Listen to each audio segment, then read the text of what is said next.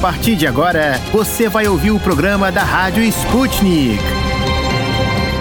Olá, ouvintes! Eu sou a Francine Augusto e apresentarei o programa de hoje com a querida Melina Saad. Vamos juntas, Fran, trazer o que acontece de mais importante no Brasil e no mundo nesta sexta-feira, 4 de março. O presidente Jair Bolsonaro e o primeiro-ministro britânico Boris Johnson concordaram em pedir um cessar-fogo na Ucrânia. A decisão aconteceu depois de uma conversa telefônica que durou cerca de 15 minutos. Os mandatários discutiram na ligação conflito na região e afirmaram acreditar na importância da estabilidade global. O premier afirmou que civis inocentes estão sendo mortos e cidades destruídas e ressaltou que os dois países devem cobrar o fim da violência na Ucrânia. Boris Johnson afirmou ainda que espera cooperar com Bolsonaro em assuntos bilaterais, como segurança e comércio. A Anvisa, Agência Nacional de Vigilância Sanitária, emitiu um pedido à Casa Civil para flexibilizar as normas sanitárias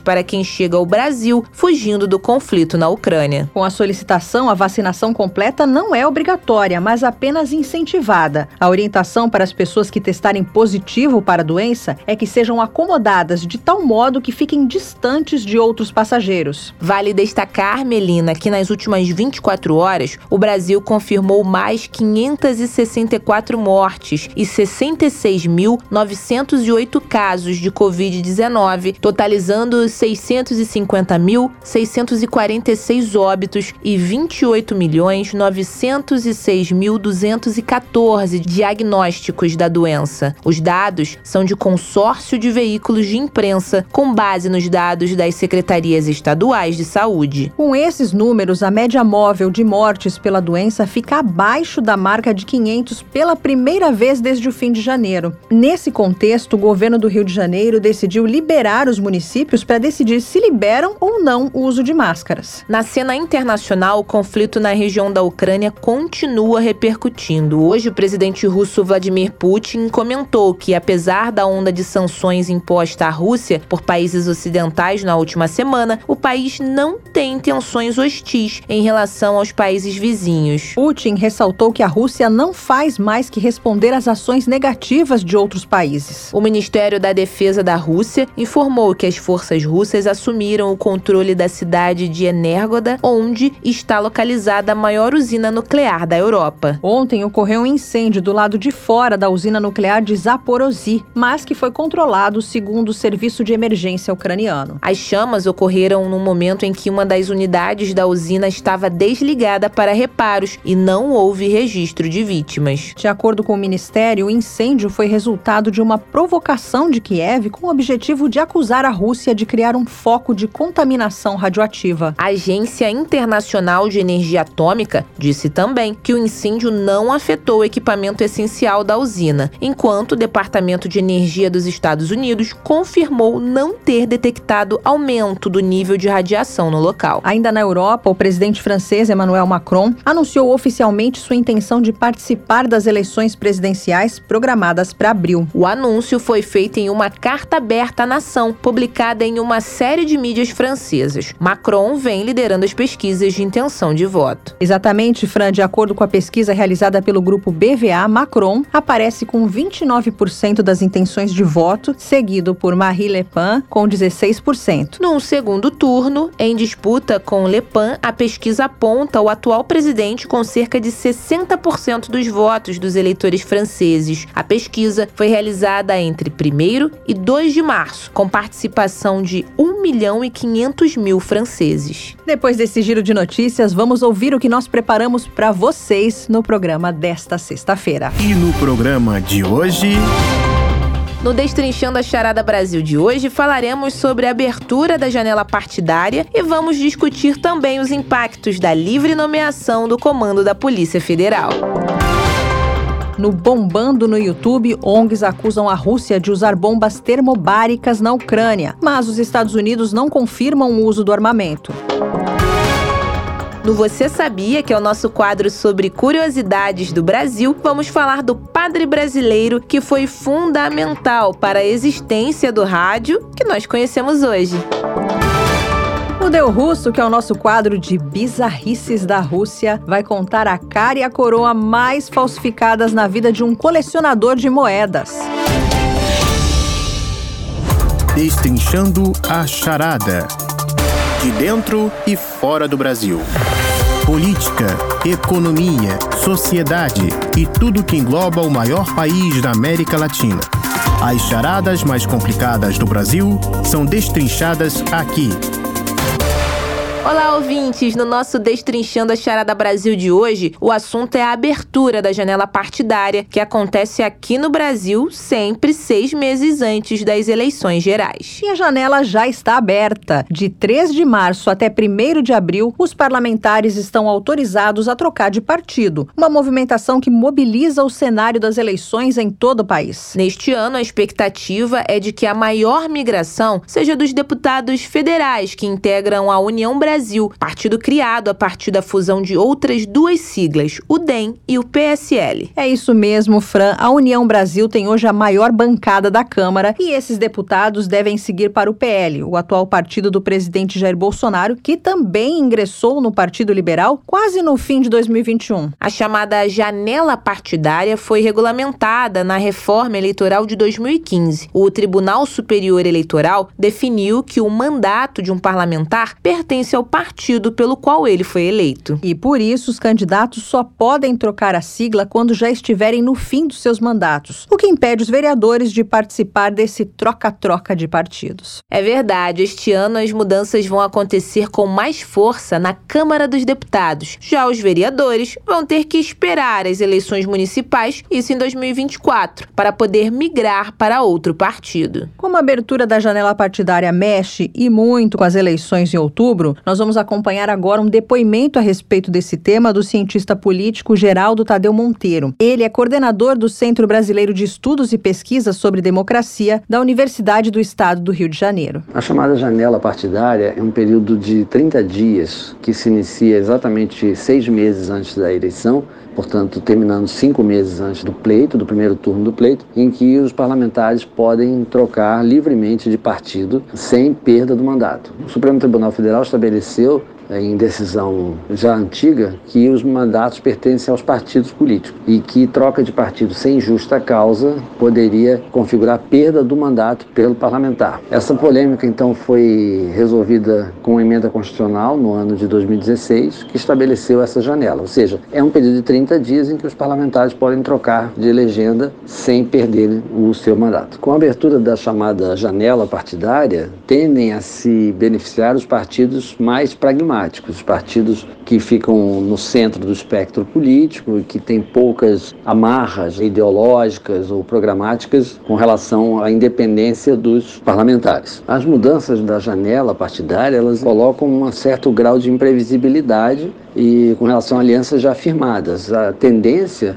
é que os políticos aguardem a janela partidária para estabelecer suas alianças. Essas mudanças vão certamente impactar as eleições de 2022, porque candidatos podem ser acomodados em outras legendas. Cito aqui o caso do governador do Rio Grande do Sul, Eduardo Leite, que foi preterido no PSDB, na sua candidatura à presidência, mas que está sendo, segundo fontes, cortejado pelo PSD como um possível candidato. Então isso já altera é um exemplo de como se altera o jogo eleitoral. E essa mesma alteração a gente vai ver em alguns estados com relação a candidatos a governador, a senador e até mesmo a deputado federal estadual. A criação de federações, no, no caso brasileiro, ainda é uma incógnita. Nós não tivemos nenhum exemplo concreto de federações que tenham sido formadas até aqui. Então, a janela partidária é um outro método de mudar essas condições da oferta política. Como eu disse, até o momento não há nenhuma federação partidária registrada no Brasil. Então, nós não sabemos exatamente como ela vai funcionar.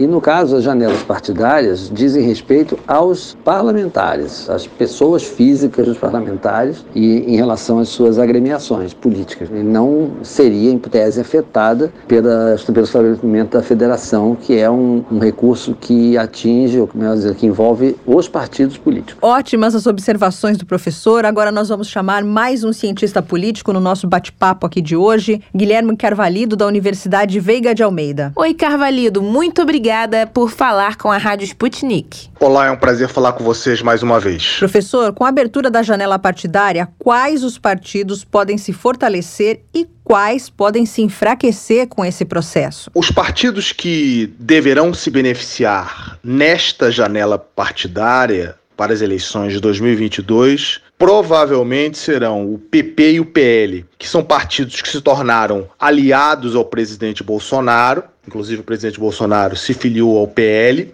e são provavelmente aqueles que deverão ter maior ganho de deputados nessa janela partidárias. Em decorrência, aquele que mais deve perder foi a união entre o DEM e o antigo PSL, que formaram a União Brasil, que em decorrência de terem muitos deputados bolsonaristas e que se filiaram à União para seguir com o presidente formar uma unidade partidária, deverão se coligar ao PL e ao PP, principalmente o PL, que deve ter um aumento de bancada né, em torno de 40 para próxima de 60 deputados. Então são os partidos que provavelmente vão ganhar, justamente por causa da ligação e a força do presidente Bolsonaro que terão aí nas eleições de 2022. Como essas mudanças afetam alianças políticas já firmadas? A formação da União Brasil, como eu disse, entre o antigo DEM e o antigo PSL, provavelmente vai ser a bancada mais afetada dentro dessa união que foi feita nesse novo partido, chamado União Brasil, junção desses dois partidos. Por quê? Porque ali você tem uma ala bolsonarista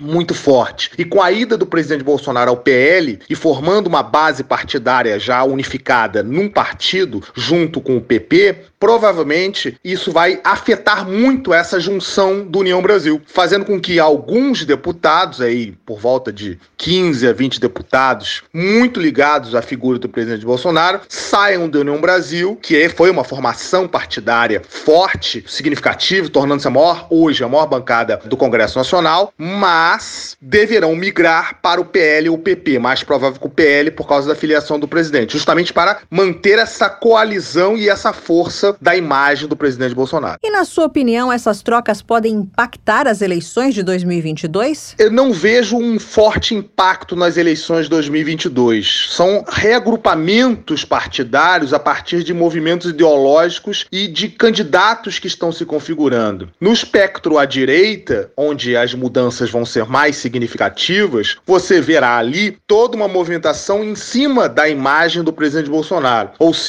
grupos que são totalmente bolsonaristas vão se juntar a partidos que são declaradamente bolsonaristas. Enquanto na esquerda não vai ter grandes mudanças, a não ser no PDT, que vai perder alguns deputados, que vão se reconfigurar mais à direita. Agora, e na esquerda, o PT não terá significativas mudanças e vai ficar em torno aí de 50 deputados, mais ou menos. Mas a principal mudança é a reconfiguração ou ajuntamento do processo que é a imagem dos partidos ligados ao presidente Bolsonaro, que ficarão ali mais fortalecidos em partidos para formarem uma possível aliança já mais clara para uma possível vitória do presidente e que o Congresso seja mais unificado no eventual segundo mandato do presidente. Ou seja, é ali que as eleições vão estar mais afetadas. Agora, do ponto de vista de configurações de preferência, já está muito ajeitado isso. União Brasil, que é um partido que se formou, como eu disse, do PSL e do DEM, esse vai ficar meio que dividido. Vai ficar numa terceira via e uma parte vai sair para se configurar com o presidente presidente Bolsonaro. Ou seja, é um ajeitamento, essa janela partidária é um ajeitamento dos grupos políticos para se adaptarem ao que está acontecendo nas eleições de 2022. Ou seja, os candidatos e as forças que são eleitoralmente significativas para concorrer nas eleições deste ano. Além disso, como a criação das federações altera a janela partidária? As federações, elas são buscas partidárias para ter uma organização e fazer com que os partidos não percam as suas forças caso tenham menos votos ou possam ter menos votos nas eleições de 2022. Elas formam configurações partidárias para se fortalecerem durante o mandato de dois, que vai ser exercido a partir de 2023, com o objetivo de não perder direitos e forças políticas aos quais os partidos têm, sobretudo no chamado fundo eleitoral e tempo de televisão, o tempo de mídia, como é dito é, efetivamente. Ou seja, essa janela partidária é para você você enquadrar mudanças que ocorreram ao longo do mandato, e as federações, por outro lado, já tem um outro elemento, que é fazer com que os partidos, sobretudo aqueles que têm tendências a perder votos em 2022 por algum motivo, não tenham essa perda e possam se configurar em conjunto para se manterem fortes num, num pleito eleitoral, não perderem os direitos. Ou seja, é uma relação aparentemente diferente, mas que na configuração geral faz com que o partido tenha relevância dentro do Congresso Nacional, principalmente na negociação com o governo central, que terá elementos e forças para passar aquele partido a tendência dele ter os seus projetos aprovados nas câmaras legislativas, sobretudo na Câmara de Brasília. Logo, todo esse movimento da federação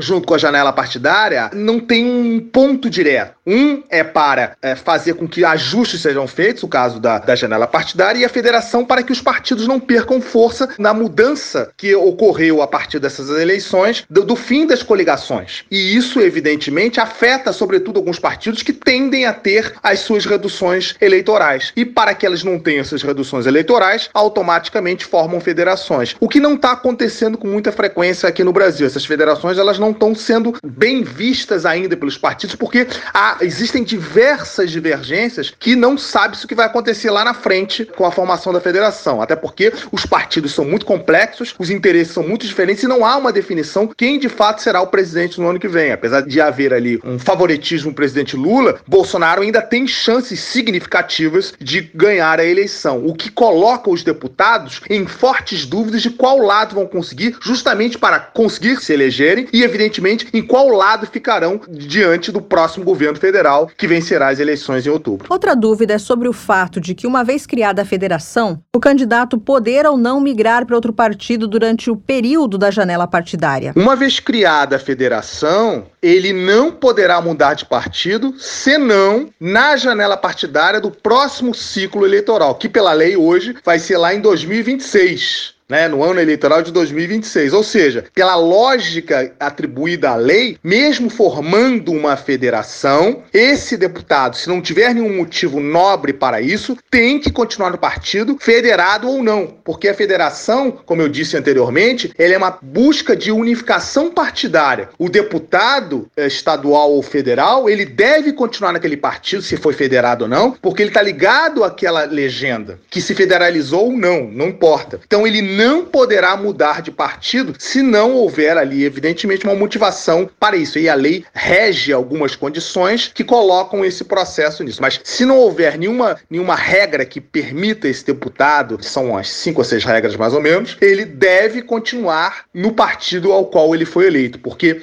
é o mandato pela lei eleitoral brasileira é do partido e não do candidato. E ele só pode mudar de partido justamente naquela janela partidária que ocorre no ano eleitoral, no, fim, no último ano, no ano do ciclo da mudança eleitoral. Esse foi o professor da Universidade Veiga de Almeida, Guilherme Carvalido. Muito obrigada por dividir seus conhecimentos com nossos ouvintes. Foi um prazer falar com vocês novamente. O bate-papo passou rapidinho. Que tal a gente ampliar essa conversa, Fran? Perfeito, Melina. Agora então o assunto é um tema que vem agitando bastante os bastidores da política em Brasília, viu? A nova troca no comando da Polícia Federal. Desde que começou o governo do presidente Jair Bolsonaro, o comando da instituição já mudou quatro vezes. O questionamento que muitos se fazem é se essa troca de cadeiras que acontece com tanta frequência pode afetar a independência da PF. Vale lembrar, né, Fran, que a Polícia Federal tem um alcance internacional, um papel importante também no combate às drogas e ao terrorismo, além de investigar diversas figuras da política brasileira. Verdade, Melina. E atualmente quem nomeia o chefe da PF é o Executivo Federal, ou seja, a última palavra é a do presidente da República. O que a gente discute é se essa chamada livre nomeação pode sofrer interferências do próprio governo. Pois é, Fran, a Polícia Federal tem até o poder de investigar o presidente. A Diretoria de Combate ao Crime Organizado e à Corrupção da Polícia Federal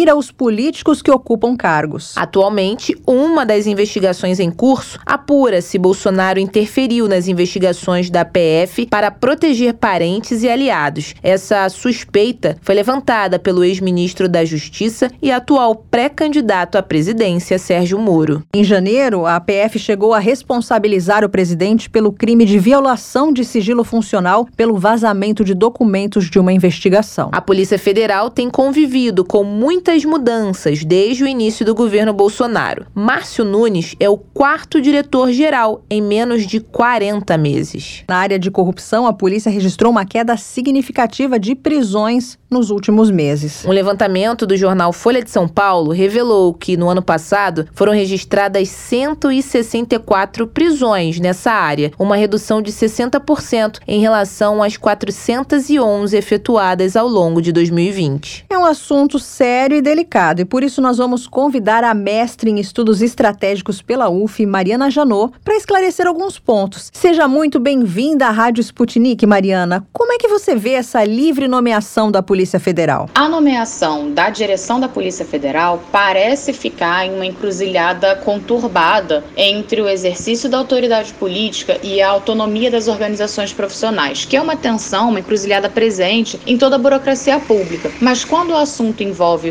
forças de segurança, forças armadas, forças policiais de qualquer natureza, tem um agravante muito sério, porque se trata de organizações armadas que operam com a violência do Estado. Quem assume a posição de chefia de uma força policial como a Polícia Federal comanda um grupo de profissionais que são armados, mas que também são especializados e, principalmente, têm a função de operar com as leis e as informações que vão atuar nas frentes das mais diversas, com um potencial tremendo de causar danos, seja no nível individual da vida das pessoas, mas também na sociedade, política e economia como um todo. Inclusive, a Polícia Federal tem um alcance internacional, já que é ela quem dialoga com a Interpol, que atua principalmente nas questões das fronteiras do Brasil com outros países na América do Sul, principalmente em relação ao tráfico. E quanto mais as finalidades né, das Forças Armadas e das forças policiais têm se misturado nesses contextos de combate às drogas, de combate ao terrorismo e essas denominadas novas ameaças, mais a Polícia Federal vai angariando expertise e vai adquirindo poder e aumentando suas possibilidades de atuação. Como a gente pode ter a garantia de que essa pessoa escolhida vai estar comprometida de fato com o interesse público? Isso é um problema, porque quanto maior a distinção, mais difícil é exercer autoridade sobre esses profissionais. E é imprescindível que todas essas forças estejam sob um comando político civil muito sólido, muito legítimo e interessado no bem público. E é aí que surge a encruzilhada de tentar equacionar a relação de confiança entre o chefe do Poder Executivo e esses cargos chaves para garantir uma condução política estável com a relação de confiança entre os membros desse grupo profissional. Porque é importante para esses profissionais, no caso, os agentes da Polícia Federal, reconhecerem que a pessoa nomeada cumpre os requisitos mínimos da carreira, ter a formação requisitada, ter sido aprovado em concurso, estar tá no posto de delegado, porque assim se cumpre com a hierarquia e disciplina da organização. Sem hierarquia e disciplina, essas organizações não funcionam. Isso vale para Polícia Federal, isso vale para as Forças Armadas. E tudo isso tem que estar, de alguma maneira, equacionado com a confiança da sociedade na legitimidade desse processo. Essa parte que é frequentemente escamoteada. E esse é o famoso em tese, né? Porque na prática o que se observa é sim, a nomeação dos cargos, ela pode abrir margem para interferências que sejam formar alianças personalistas que atendem muito mais a interesses de grupos privados do que qualquer outra coisa. Então, assim, a dança das cadeiras de nomeação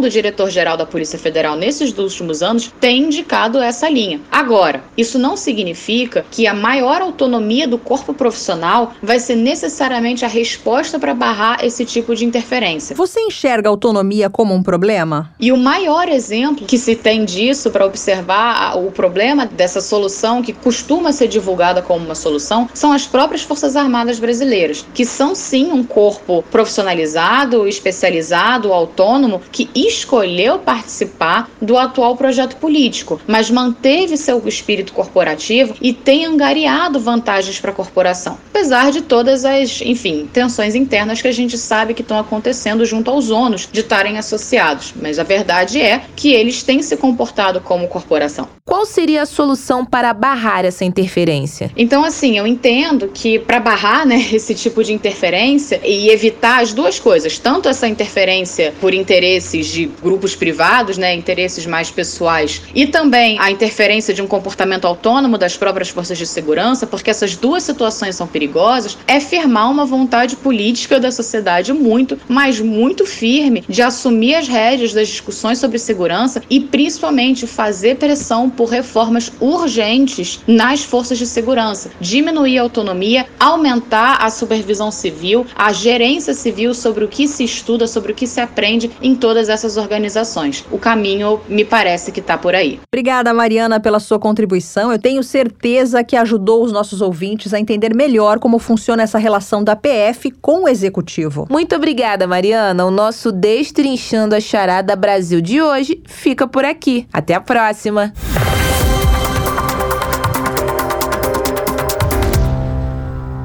Bombando no YouTube.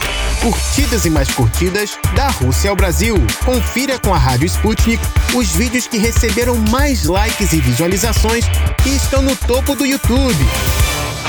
E fique por dentro do que está sendo filmado por amadores ou profissionais pelo mundo afora. A gente vai agora, como acontece tradicionalmente, para um dos momentos mais aguardados pelos nossos ouvintes aqui, Melina. A gente vai ficar por dentro dos cinco vídeos mais curtidos e visualizados no YouTube. Quem fala com a gente é o Tito da Silva, diretamente da Sputnik Brasil em Moscou. Oi, Tito. Olá, queridos amigos da Rádio Sputnik. Eu sou o Tito da Silva e estes são os vídeos que estão bombando no YouTube nesta sexta-feira, 4 de março. No primeiro vídeo de hoje, um incêndio atingiu a maior usina nuclear da Europa, a usina de Zaporozhye, localizada no sul da Ucrânia. O fogo começou começou com a queda de um foguete em um prédio administrativo da usina que estava desconectada da rede energética da instalação. O susto levantou temores de um possível acidente nuclear, o que já foi negado pelas autoridades ucranianas. Enquanto mídias ocidentais acusam a Rússia de bombardear intencionalmente a instalação, o que de fato aconteceu na usina nuclear? A Sputnik revela imagens e detalhes do que causou o fogo. Para assistir ao vídeo é só digitar susto nuclear. O que aconteceu na usina de Zaporozhye durante conflito na Ucrânia? No segundo vídeo de hoje, enquanto organizações não governamentais acusam a Rússia de usar bombas termobáricas no território ucraniano, os Estados Unidos afirmaram que não podem confirmar o uso de tal tipo de armamento. Os Estados Unidos dizem que estão cientes de que a Rússia possui equipamentos militares capazes de usar tal tipo de explosivo, mas que não têm provas de que eles estão sendo usados. Para saber mais sobre o assunto, digite: Rússia usa bombas termobáricas na Ucrânia? E no terceiro vídeo de hoje, o Ministério da Defesa russo exibiu imagens de material bélico abandonado por soldados ucranianos e que havia sido anteriormente enviado por países da OTAN à Ucrânia. Além disso, enquanto as tropas russas avançam em direção aos seus destinos operacionais, veículos de guerra ucranianos são filmados destruídos. O vídeo você pode encontrar digitando: Mais soldados ucranianos abandonam posições e deixam para trás armas enviadas pela OTAN. No quarto vídeo de hoje, o senador republicano Lindsey Graham escreveu no Twitter uma mensagem motivando cidadãos russos a matar seu presidente Vladimir Putin. No tweet, o senador se dirigiu mais especificamente aos militares russos, pedindo que estes venham se levantar contra Putin em um plano de assassinato, assim como o coronel alemão Klaus von Stauffenberg tentou realizar contra o ditador nazista Adolf Hitler durante a Segunda Guerra Mundial. Para mais detalhes, o vídeo você encontra digitando: Senador dos Estados Unidos pede para russos matarem Putin. E no quinto vídeo de hoje, o canal Refúgio Mental trouxe uma nova seleção de vídeos com momentos incríveis captados por câmeras escondidas. Alguns casos mostram como a distração do ser humano pode trazer consequências nada agradáveis ou até mesmo acidentes muito, mas muito graves. E por hoje é tudo, pessoal. Até mais e um bom final de semana para todos vocês. E essas bombas, as termobáricas, foram desenvolvidas para serem usadas contra tropas entrincheiradas e também em áreas de cavernas. Pois é, Fran, como elas são bombas que liberam fragmentos e têm um potencial de destruição terrível, o uso delas é até condenado pelo direito internacional dos conflitos armados. Obrigada, Tito. Até uma próxima oportunidade.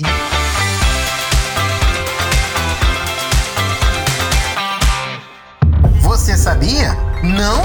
Agora vai saber! Num país gigante como o Brasil, sempre há mistérios ou peculiaridades históricas que merecem ser desvendados. Vem com a gente descobrir!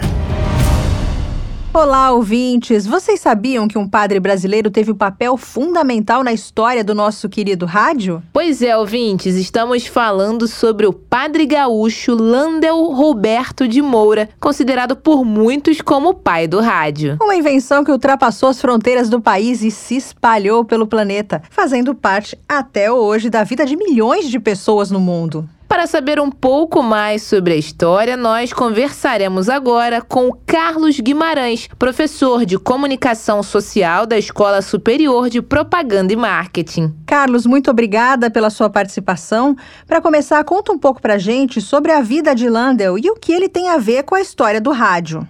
É bem curiosa a história. A primeira curiosidade é a seguinte, ó. O bairro onde eu moro é Menino Deus. A paróquia Menino Deus foi a paróquia do padre Landel de Moura. Ali foi onde, digamos assim, o QG dele. Então, ele atuou aqui muito perto. E as pessoas aqui em Porto Alegre não sabem quem ele foi. Embora tenha uma fundação chamada Padre Landel de Moura, que é uma escola hoje, não sei se ela está ativa, mas é uma fundação eh, ligada ao rádio. E ele era um monte de coisa, como era o Santos Dumont, para pegar assim, um, um, paralelo com um grande nome no final do século passado, início do século XX, numa época que eu acho que não havia essa oposição entre ciência e religião. Isso é uma coisa muito pós-guerra, assim, né? Essa oposição entre ciência e religião. Antes tinha um pouco, mas os religiosos envolvidos na vida religiosa, eles eram grandes cientistas também. E o Padre Leandro de Moura era um grande cientista que começou a fazer seus experimentos já no final do século XIX e foi um dos caras que começou a fazer isso justamente para tentar ajudar a igreja. Os seus experimentos eram baseados em transmissões sem fio, tá? Tinha transmissão com fio, com os condutores, né, com as linhas, e ele começou a fazer experimentos com condução sem fio. Então, o que ele fazia? Ele tinha a ideia de que o ar, né, era um condutor, que a água era condutora, que a natureza era condutora das ondas eletromagnéticas, como de fato é, pegando experimento de outros, pegasse lá do Tesla, que foi o grande inventor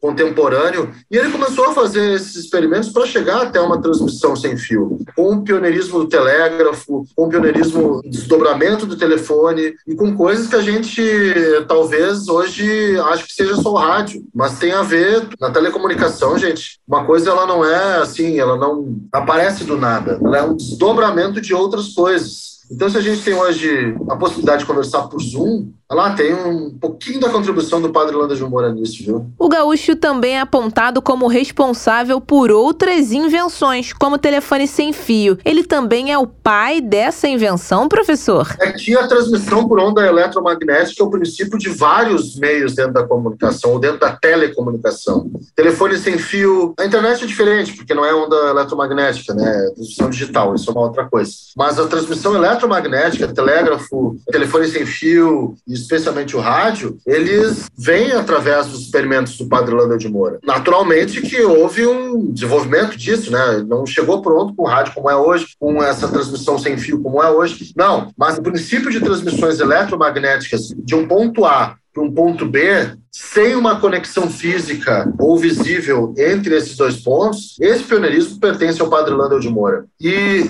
entre esses princípios, e é um princípio de comunicação, o rádio acabou se tornando um veículo de comunicação de massa. Por quê? Porque existe o ponto A com o ponto B, a transmissão do ponto A é uma transmissão que se difunde não só para o ponto B, como é o telefone, mas para os pontos C, D, E, F, vira o alfabeto diversas vezes, passa, porque aquela transmissão ela é possível de ser capturada por muita gente. E aí vem a massa ao invés de um ponto B apenas. Então, a gente tem no Padre Landel de Moura esses dois pioneirismos, né? O primeiro é da comunicação eletromagnética e o segundo é de comunicação de massa. A comunicação de massa é, é aquela comunicação que atinge muita gente, que antes só chegava através, primeiro, da voz, quando o cara subia no púlpito de uma praça e falava, aquilo ali era uma comunicação de massa, tá? Porque tu tinha uma massa, tu tinha uma plateia de, às vezes, até milhares de pessoas, tu tá comunicando para massa, depois desenvolvida para o escrito, né? Primeiro para os registros pré-Gutenberg, onde você é, conseguia transcrever as coisas, e depois para os escritos de imprensa, com registro de cartas, livros, e aí vem os jornais, né? Os jornais já atuantes nessa época aí que o padre Lander de Moura coloca, mas aparece, mas em termos de voz, de capturar a voz de um ponto distante, ali temos o pioneirismo. Professor, nós sabemos que no Brasil nem sempre cientistas e inventores têm o apoio que merecem. Naquela época a situação não devia ser muito diferente. O Landel teve algum tipo de apoio? Como é que foi a trajetória do padre enquanto ele desenvolvia os seus estudos? Foi solitário, foi complicado, foi desacreditado, foi tido como louco, realmente. Todos nós conhecemos o estereótipo de cientista louco, né, gente? Cientista louco. É um estereótipo desenvolvido não é à toa, porque realmente antigamente os cientistas eram considerados loucos, mais antigamente eram hereges. Cientistas foram queimados. Cientistas, quando o cara chegou, quando disseram, por exemplo, que a Terra é redonda, e ela é redonda, né? Agora que disseram que ela é plana, inacreditavelmente, mas quando começou a se falar de lei de gravidade e principalmente a adotar uma perspectiva que não é geocêntrica, ou seja, que o universo não gira em torno da Terra, isso aí foi um horror, especialmente para quem considerava os princípios da civilização como a Terra sendo o centro do universo e Deus sendo o teocentrismo e o geocentrismo, né? Loucura! E o Padre de Moura foi a mesma coisa. Veja só, brasileiro, numa época em que a população brasileira era majoritariamente analfabeta, eu não tenho aqui a porcentagem, mas numa pesquisa rápida dá para entender. A primeira patente de registro dele é de 1901, então é virada do século XIX para o século XX, numa época em que a população brasileira era majoritariamente analfabeta. Não sabia ler e escrever, não sabia nem assinar o próprio nome. Essa era a população brasileira. Uma população que, além de majoritariamente analfabeta, era majoritariamente rural. As cidades ainda estavam em desenvolvimento. A população brasileira era rural onde não tinha nenhuma condição de chegar em alguns lugares do país. Não se tinha como cruzar o país. Então, tinha muita ignorância no meio disso, né? É completamente diferente que hoje. E é natural que um padre, que também é inventor, cientista, que está fazendo experimentos com comunicação sem um condutor visível, ele vai ser tirado como para louco, ele vai ser tirado para o cara que não está assim de acordo com a realidade. É, num país desenvolvido ele teria investimento, ele não teve investimento em cima dele. Num outro cenário, observando a genialidade, porque essa coisa de gênio, né? Eu estava falando de um gênio, o Padrão de Moura foi um gênio. Essa genialidade ela precisa ser investida, ela precisa ser agregada ao ambiente acadêmico, ao ambiente universitário, ao ambiente da pesquisa. E já havia universidade no Brasil, no CERF, com a população majoritariamente analfabeta, e não aconteceu nada disso. Então, ele foi sozinho, desbravando, desbravando. Geograficamente, ele era muito prejudicado por estar em Porto Alegre. Porto Alegre era muito mais longe do que é hoje. Sim, em sentido figurado, porque a distância é a mesma, obviamente, mas Porto Alegre ficava muito distante da capital do Brasil, Rio de Janeiro, tinha que ir navio para o Rio de Janeiro.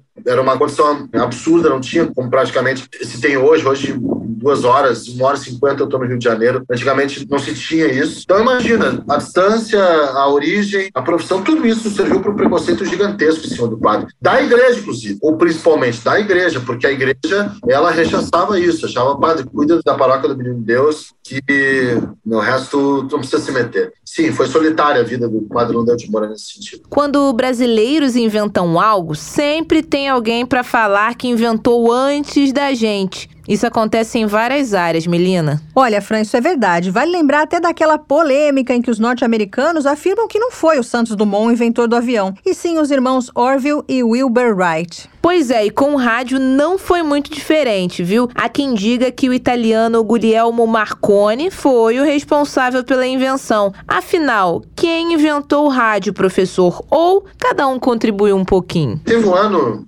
que foi registrado que o pioneiro ao realizar experimentos em telecomunicação, ou a realizar efetivamente a primeira transmissão sem fio, foi o padre Lando de Moura, mas por muito tempo ficou com o Marconi esse título, né? Por várias questões. Marconi é italiano, está na Europa. Eu acho que cada um tem a sua contribuição, até porque, como não foi um trabalho conjunto, é legal observar que duas pessoas no início do século XX tiveram nessa empreitada de fazer o mundo evoluir e fazer a telecomunicação evoluir. Especialmente encantador para mim, que sou um cara da comunicação, e observei de perto, por exemplo, a internet, né? Eu não sou nativo digital. É, eu tenho que aprender a usar a internet. Quando surge a internet, assim, eu, nossa senhora, imagina descoberta para a época. Então é interessante ver como os dois também se complementaram nesse estudo, né? O Marconi foi fundamental, foi fundamental em vários campos, em vários meios. A primeira transmissão sem fio foi do Padre Lando de Moura. Marconi ele teve a contribuição também, talvez tenha sido o primeiro a experimentar isso, mas uma transmissão sem fio completa, ponto A para ponto B, pertenceu ao padre Lander de Moura. Mas assim, há essa polêmica que eu acho sinceramente necessária, né? Parabéns aos dois e vamos valorizar os dois e valorizar, sim, um pouquinho mais o padre Lander de Moura, porque além de ser brasileiro, é gaúcho, né? o senhor acredita que, pela sua contribuição, Landel merecia um maior reconhecimento, principalmente aqui no Brasil? Certamente. A gente tem diversos grandes nomes e gênios, e inventores e cientistas que fizeram parte, mais recentemente, grandes empreendedores que utilizaram a ciência para construir impérios. Vou citar naturalmente o Bill Gates e o Steve Jobs. Vou citar agora, mais recentemente, não é um inventor, teve só a ideia, o Mark Zuckerberg, e a gente fala muito nesses caras sem entender que antes deles outras pessoas desenvolveram outras coisas para que eles chegassem e tivessem uma ideia mais consolidada de, por exemplo, transmissão o rádio ele é um, um, pilar da transmissão sem fio, ele é um alicerce. O rádio é uma invenção tão fantástica que é aquela coisa de a gente ter um aparelhinho que a gente não ouve e está saindo voz ali de dentro. Está saindo de voz ali de dentro e está saindo voz e está comunicando com a gente. Nossa Senhora, vamos ver o que está acontecendo e como é que isso é possível. E olha o tamanho, a dimensão dessa invenção mundial e a gente não tem conhecimento. Eu acho que às vezes a gente tende a desconsiderar, inclusive, os grandes mentores e os grandes nomes da ciência. A gente não trabalha com isso. A gente sai do colégio sem saber quem foram, quem são. E sim, o padre Landel de Moura, ele merece mais homenagens brasileiro, ele merece mais consideração e mais informação para as pessoas. Acho sobretudo isso, fazer parte do grade curricular e ter informação. As pessoas elas precisam receber informação a respeito de quem foi o padre Landel de Moura. Foi um grande gênio, como foram outros tantos e até do Marconi, as pessoas precisam saber mais para entender grandes Thomas Edison, Graham Bell, os caras da comunicação até chegar à internet, até chegar ao que a gente tem hoje, né? A comunicação de ponta não começou com Steve Jobs, é bem anterior. E o rádio ainda bem continua, né? Muitos falaram que ia acabar, mas continua aí, ou melhor, aqui, firme e forte. Com certeza, Fran, e não vamos deixar o feito do Padre Landel ser esquecido, certo, professor? O que, que nós devíamos fazer nesse sentido? Eu sou um, profissional da comunicação, professor de comunicação. Eu atuo no rádio também, atuo há 23 anos no rádio, além da docência. Minha vida com a comunicação ela tem 25 anos, um quarto de século dedicado à comunicação. E eu fico muito triste quando vejo que a comunicação brasileira ela não é valorizada. Fico muito triste quando eu vejo que o acervo do rádio brasileiro não é valorizado. A gente não tem os principais registros de rádio. O rádio brasileiro começa no final da década de 1910 e a gente só tem registros efetivos de rádio consistentes a partir da década de 1950. A gente tem 40 anos perdidos de rádio. 40 anos não é pouca coisa. Numa época necessária, a gente tem 40 anos de rádio onde a gente não acha, onde não há registro. E nos anos 1950 para achar também não é fácil a sistemática de arquivar a nossa história começa a partir da década de 1960. Então, antes disso, a gente tem material perdido, cadê a nossa memória, né? É só aquilo que foi documentado. Mas nem tudo é documentado, é possível documentar tudo. O documento seria o áudio, documento seria a gravação, não era possível registrar tudo. E a gente não tem isso. E fora que o documento ele é passível de algumas falhas, como é, transcrições erradas, transcrições incompreensíveis, isso acontece.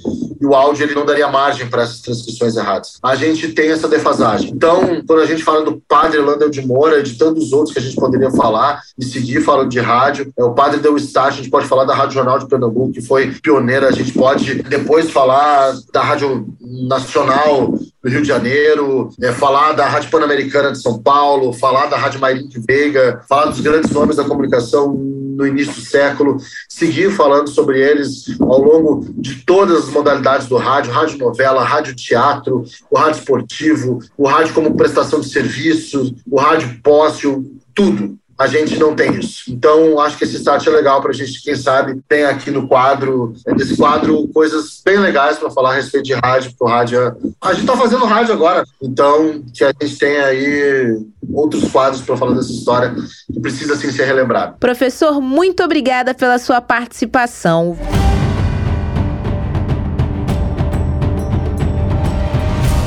Oi, ouvintes, o assunto do nosso Você Sabia de hoje vai agradar muita gente. Eu vou dar uma pista. É um prato tradicional das sextas-feiras na Cidade Maravilhosa. Algum palpite, Fran? Eu acho que pode ser a feijoada. Eu adoro. E você, Melina? É isso mesmo, Fran. Olha, só de pensar eu já fico com água na boca. Agora, além de ser deliciosa, a feijoada é também um ingrediente marcante da história brasileira e revela muitas curiosidades sobre o período em que nós ainda éramos um império. Verdade verdade, Melina, o prato, como conhecemos hoje, é resultado do encontro entre tradições europeias e indígenas aqui no Brasil. Mas já se comia algo parecido desde o Império Romano, dá para acreditar? Impressionante, Fran! E para desvendarmos essas e outras curiosidades sobre a nossa feijoada, nós vamos conversar com o historiador Rodrigo Elias. Muito obrigada por falar com a gente aqui na Rádio Sputnik, Rodrigo. Agora conta como foi criada a feijoada. A feijoada brasileira que é a feijoada que nós conhecemos e onde a que se consome no Brasil o ano inteiro,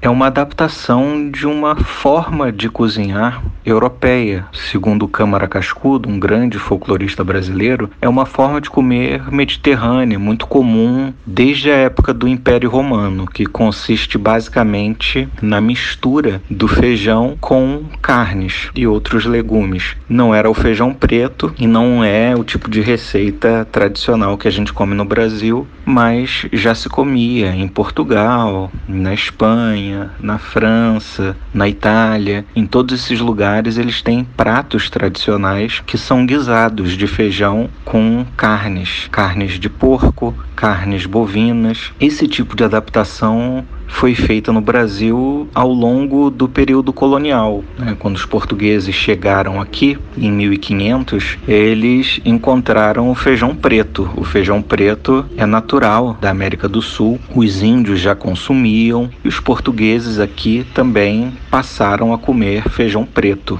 O feijão, aliás, foi um aliado do processo de fixação das pessoas no território, ao lado da mandioca, também já muito utilizada tradicionalmente pelos indígenas. O feijão preto também já era utilizado e proporcionou aí alimento para essa população durante muito tempo. O que acontece é que, sobretudo ao longo do século XIX, nós vamos ver essa adaptação de uma culinária europeia, portuguesa sobretudo, que era feijoada, que em Portugal era feita e é feita ainda, né? Ainda há formas de se fazer feijoadas em Portugal. Eles fazem tradicionalmente com feijão branco ou com feijão vermelho. Aqui no Brasil começou-se a fazer com o feijão preto, que era o feijão mais disponível disponível aqui no território nacional. No início do século XIX, na década de 1820, nós já encontramos anúncios em jornais de restaurantes, em geral bares, restaurantes de hotéis, servindo feijoada à brasileira.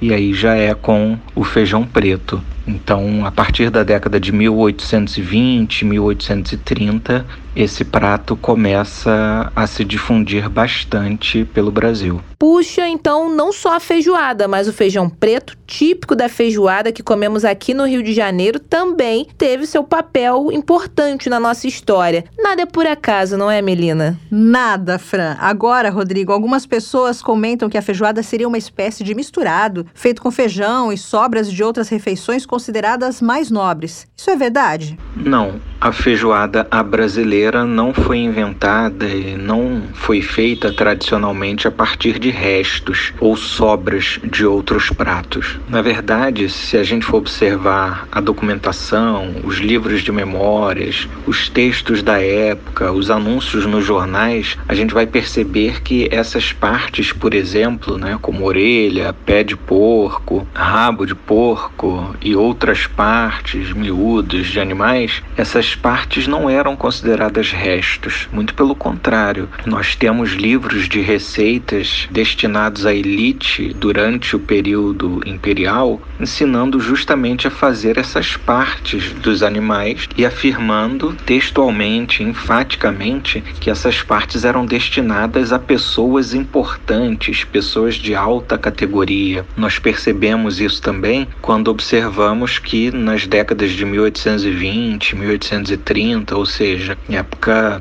do auge da escravidão no Brasil, esses pratos, dentro de uma sociedade escravocrata, eram servidos em restaurantes, em hotéis que não eram frequentados e que não ofereciam serviços para as pessoas mais pobres, inclusive para as pessoas escravizadas. O que a gente percebe também na documentação da época, por exemplo, a partir do Debré, do Coster, do Saint-Hilaire, todos esses viajantes que estiveram no Brasil no início do século XIX, ainda no final do período colonial e no início do período imperial, o que a gente percebe é que a alimentação comum das pessoas pobres incluía sim feijão, mas não feijoada. Feijão e farinha era o alimento predominante, por exemplo, nos centros urbanos, né, como Rio de Janeiro e nas cidades do Nordeste, por exemplo, né, nas cidades capitais, nas capitais de província, a gente percebe que feijão e farinha está muito presente. A população escravizada, por exemplo, era alimentada em grande parte com angu, de milho é que para a população mais pobre, para a população escravizada, as carnes estão ausentes ou quase que totalmente ausente. No máximo, segundo Debré, se tinha um feijão muito ralo com um pedacinho de tocinho, com um pedacinho de carne de porco, mais para dar um gosto naquela água de feijão, né? E os poucos feijões que havia de fato no prato de quem ia comer era amassado e misturado com farinha de mandioca. Em geral, esse é o tipo de alimento da população mais pobre e da população população escravizada. As carnes, sobretudo esses cortes considerados mais especiais que vão compor a feijoada, em geral eram destinados às elites. Então, na realidade, a feijoada nasceu como um prato típico da elite brasileira e ela já surgiu assim como uma favorita no cardápio brasileiro quando se popularizou. O feijão é uma presença constante na culinária do Brasil desde muito antes dos portugueses chegarem. Bem, como foi uma adaptação portuguesa, a feijoada em si, ela vai se tornando popular ao longo da presença portuguesa, obviamente aqui no Brasil com os indígenas e os seus descendentes, assim como os africanos e os seus descendentes também. Ela vai se tornando, em primeiro lugar, muito presente entre as elites urbanas, a feijoada, e na virada do século XIX para o século XX, ela vai chegar com muita força também para a população como um todo. A feijoada ela acaba virando sinônimo de fartura na virada do século XIX para o século XX, justamente com o fim da escravidão. Aí vai ser muito comum, por exemplo, a presença ou a ocorrência de festas ao redor da feijoada. Ficaram muito famosas as feijoadas no Rio de Janeiro, associadas ao contexto do samba, por exemplo, associada ao contexto das religiões afro-brasileiras. Feijoada da Tia Ciata, por exemplo, muito famosa.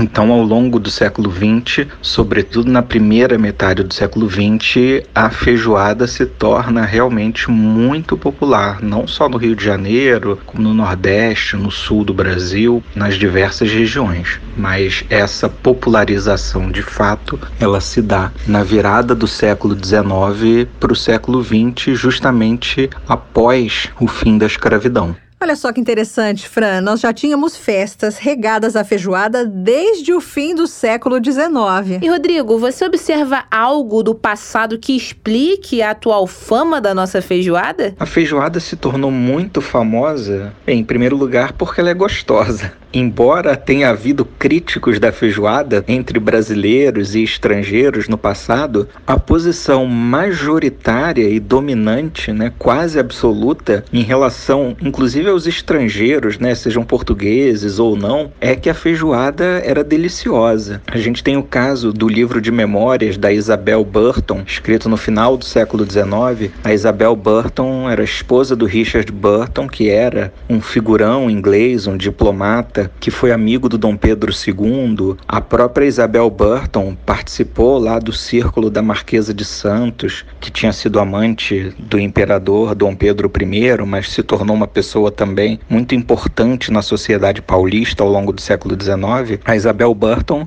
ela escreve suas memórias mais tarde, sentindo saudades da feijoada, dizendo que ela adorava comer feijoada e gostaria de comer de novo feijoada, mas que ela não tinha acesso na Inglaterra. Então, a Isabel Burton é um exemplo, mas vários outros estrangeiros que passaram pelo Brasil adoraram feijoada. Não à toa ela ainda é um prato não oferecido né, a diplomatas, a personalidades estrangeiras. Então, em primeiro lugar, a feijoada é gostosa. Em segundo lugar, ela também tem sabor de fartura.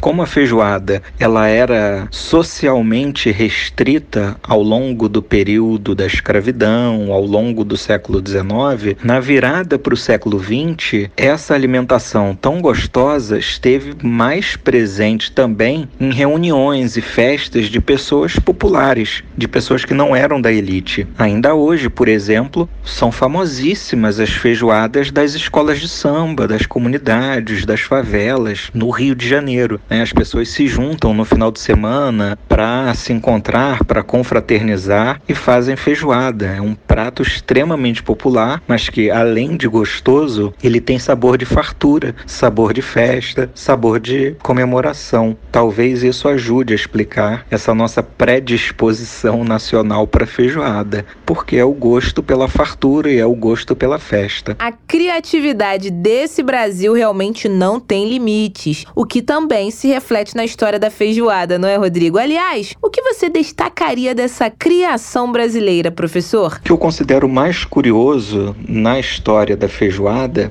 como que nós, brasileiros, de uma maneira geral, e sobretudo os grupos populares, adotamos essa forma de comer e ressaltamos o seu caráter de festa. A feijoada, ela não só é uma comida deliciosa, é uma forma de comer deliciosa, mas ela é uma festa, ela é musa inspiradora de poesia, de música, enfim. A feijoada, ela se tornou um prato nacional, embora com as suas variedades regionais, mas é um prato que caiu no nosso gosto e que de fato nós criamos, nós demos a ele a nossa cara. Então isso é é importante termos a nossa marca, é importante. Verdade, Rodrigo, é mesmo a nossa marca, uma deliciosa marca. Muito obrigada por participar da nossa programação. Este foi o historiador Rodrigo Elias, queridos ouvintes. Você sabia de hoje? Fica por aqui. Até a próxima.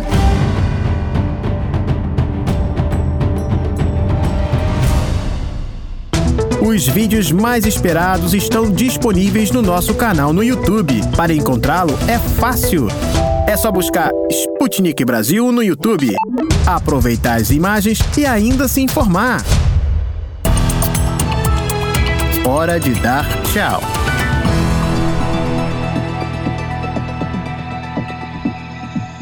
Acabou, ouvintes, a semana e o programa também. Essa foi a edição de sexta-feira, 4 de março. Lembrando, ouvintes, que a obra Ritual de Momo, do compositor carioca Jorge Antunes, foi publicada nesta sexta-feira, 4 de março, no canal do Zenon Instituto Cultural no YouTube. Entrando no canal do Zenon Instituto Cultural, vocês vão poder ouvir essa composição na íntegra. Antes, é claro, nós deixamos com vocês um trechinho dessa obra que nós trazemos com exclusividade.